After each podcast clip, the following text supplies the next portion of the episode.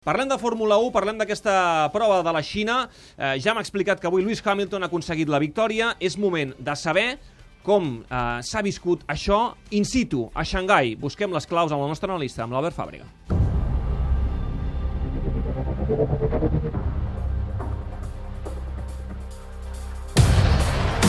El tenim al telèfon, comunicació amb eh, Shanghai, amb la Xina. Albert Fàbrega, què tal? Bona tarda. Hola, bona tarda a Catalunya, bona, bona nit aquí a Xangai. Eh, tard, eh? Ara mateix a la Xina. Doncs sí, mm, fregant ja a la mitjanit. Perfecte. Escolta'm, Albert, avui victòria novament de Hamilton, Mercedes que domina i, i Rosberg que s'enfada quan, li, quan li diuen encara ets líder, perquè veu que Hamilton va com una bala en aquest inici del Mundial. Aquell abandonament a la primera cursa a Austràlia, però ara mateix està en condicions de, de ser eh, el més ferm candidat a guanyar el títol.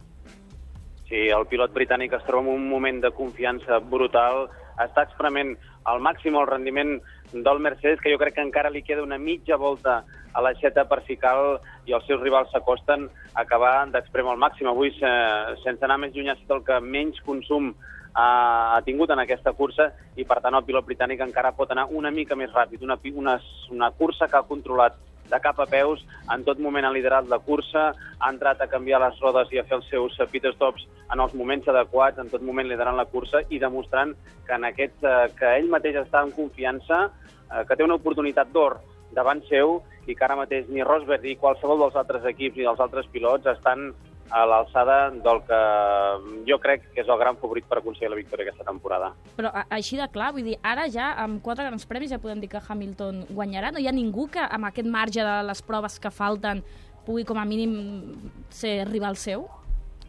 Sí, és molt aviat, això, això estic d'acord amb el que dius.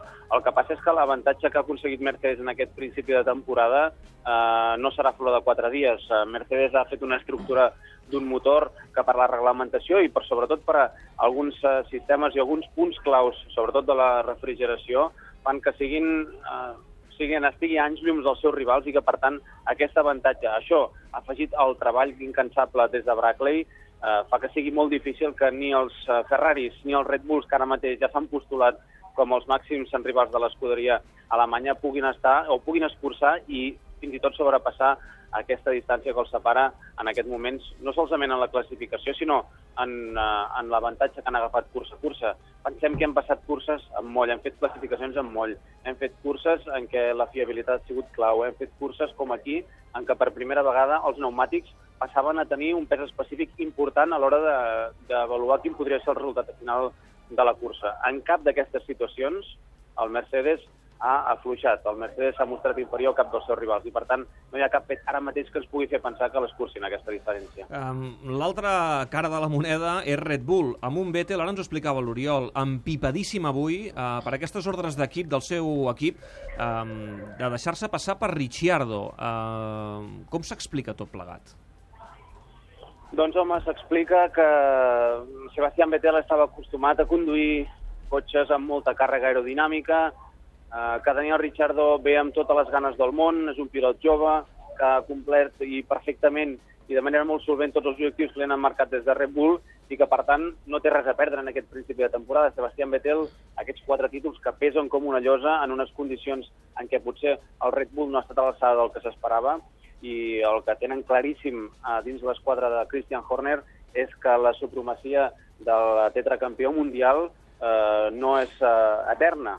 I ho han demostrat en aquestes dues últimes curses quan han, per missatges de ràdio, eh, deixat eh, clar que Ricciardo era més ràpid i que per tant es havia de deixar avançar, però no es havia de deixar avançar perquè eh, Ricciardo quedés per davant de Vettel, sinó perquè Ricciardo anava, per exemple, en la cursa d'avui, per la tercera posició, en l'última anava pels Williams també per millorar posició. En definitiva, és objectiu, és clar, és eh, l'equip, els punts d'equip, i intentar mm, tenir una lluita honesta entre els dos membres de, de la seva esquadra, cosa que fins ara havia costat de veure amb Marc Webber dins l'esquadreria.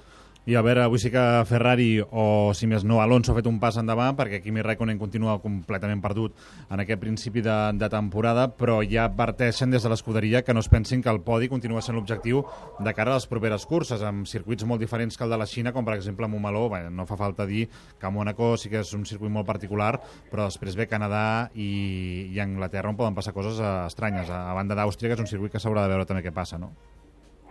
Sí, aerodinàmicament eh, tenim una cosa clara, que és que eh, Ferrari han fet un pas endavant respecte a altres temporades i podem dir que pot ser un cotxe que pot estar a l'alçada, potser no del Red Bull, però segur que està a l'alçada dels eh, Mercedes. El que passa és que, a mica en mica, a mesura que ha anat avançant la temporada, Ferrari ha pogut anar exprement el propulsor, van començar la temporada eh, pràcticament al 60 o al 70% del que podien extreure de rendiment de la seva unitat de potència, i ara, a mesura que han anat avançant aquestes curses, de mica en mica, Alonso disposa d'una mica més de potència i, per tant, pot acostar-se al ritme tant dels Mercedes, de lluny, però sí que pot disputar aquesta tercera posició, que ara sembla doncs, l'únic objectiu eh, per aquesta, almenys aquesta primera part de la temporada. De totes maneres, eh, jo crec que ens hem de treure el barret davant la cursa del pilot asturià. Ha sortit bé, ha gestionat molt bé, sobretot la primera part de la cursa, ben aconsellat des del mur. Avui sí que Ferrari ha fet una molt bona estratègia i després en aquests dos últims estints, amb el pneumàtic mig, amb el pneumàtic més dur, ha fet una gran, eh, una gran demostració de que és l'home, ara mateix jo crec, de, damunt de, dels que hi ha a la graella, que és capaç de llegir millor les curses, de com s'ha de atacant les curses, en quin moment, quan, com i per què. I això li ha portat a conservar aquesta tercera posició, com molt bé és Oriol, favorit per les lluites internes entre Ricciardo i Vettel, que no li han permès al pilot australià almenys arribar a final de cursa amb opcions de disputar-li aquesta tercera plaça del pòdium. D'aquí a tres setmanes torna al Mundial, eh, serà ja a Catalunya, al circuit eh, Barcelona-Catalunya. Recordeu que li hem de deixir dir d'aquesta manera, eh? circuit Barcelona-Catalunya. Eh, en Mercedes que dominarà, és a dir, a Catalunya veurem un Mercedes molt superior a la resta, eh, tindrem una cursa, creus, més ajustada. Què n'esperes d'aquest Gran Premi a Catalunya?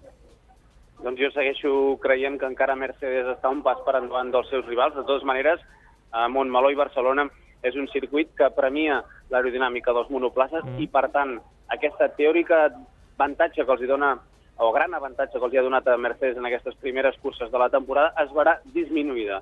Però això no vol dir en cap cas, no hi ha cap element que ens faci pensar ara mateix que Mercedes perdi la supremacia i, sobretot, aquest moment de forma en què es troba Lewis Hamilton. Tres victòries eh, consecutives, no ho havia aconseguit mai a la seva carrera, però el que més em fa pensar que està en un bon moment. Aquesta concentració, aquesta falta d'errors, aquesta confiança que se'l veu i aquesta falta, eh, aquest eh, tranquil·litat que altres temporades no havia tingut, dins i fora de la pista, i que l'havien portat a realitzar curses que no eren habituals amb un home tan talentós, que té tant de talent i que té tantes habilitats al volant com és el pilot britànic. Doncs, insisteixo, 11 de maig, i ho viurem en directe al Tot Gira, eh, la cinquena prova del Mundial, ja a casa nostra, al circuit Barcelona-Catalunya, al circuit de Montmeló, aquesta prova del Mundial de Fórmula 1.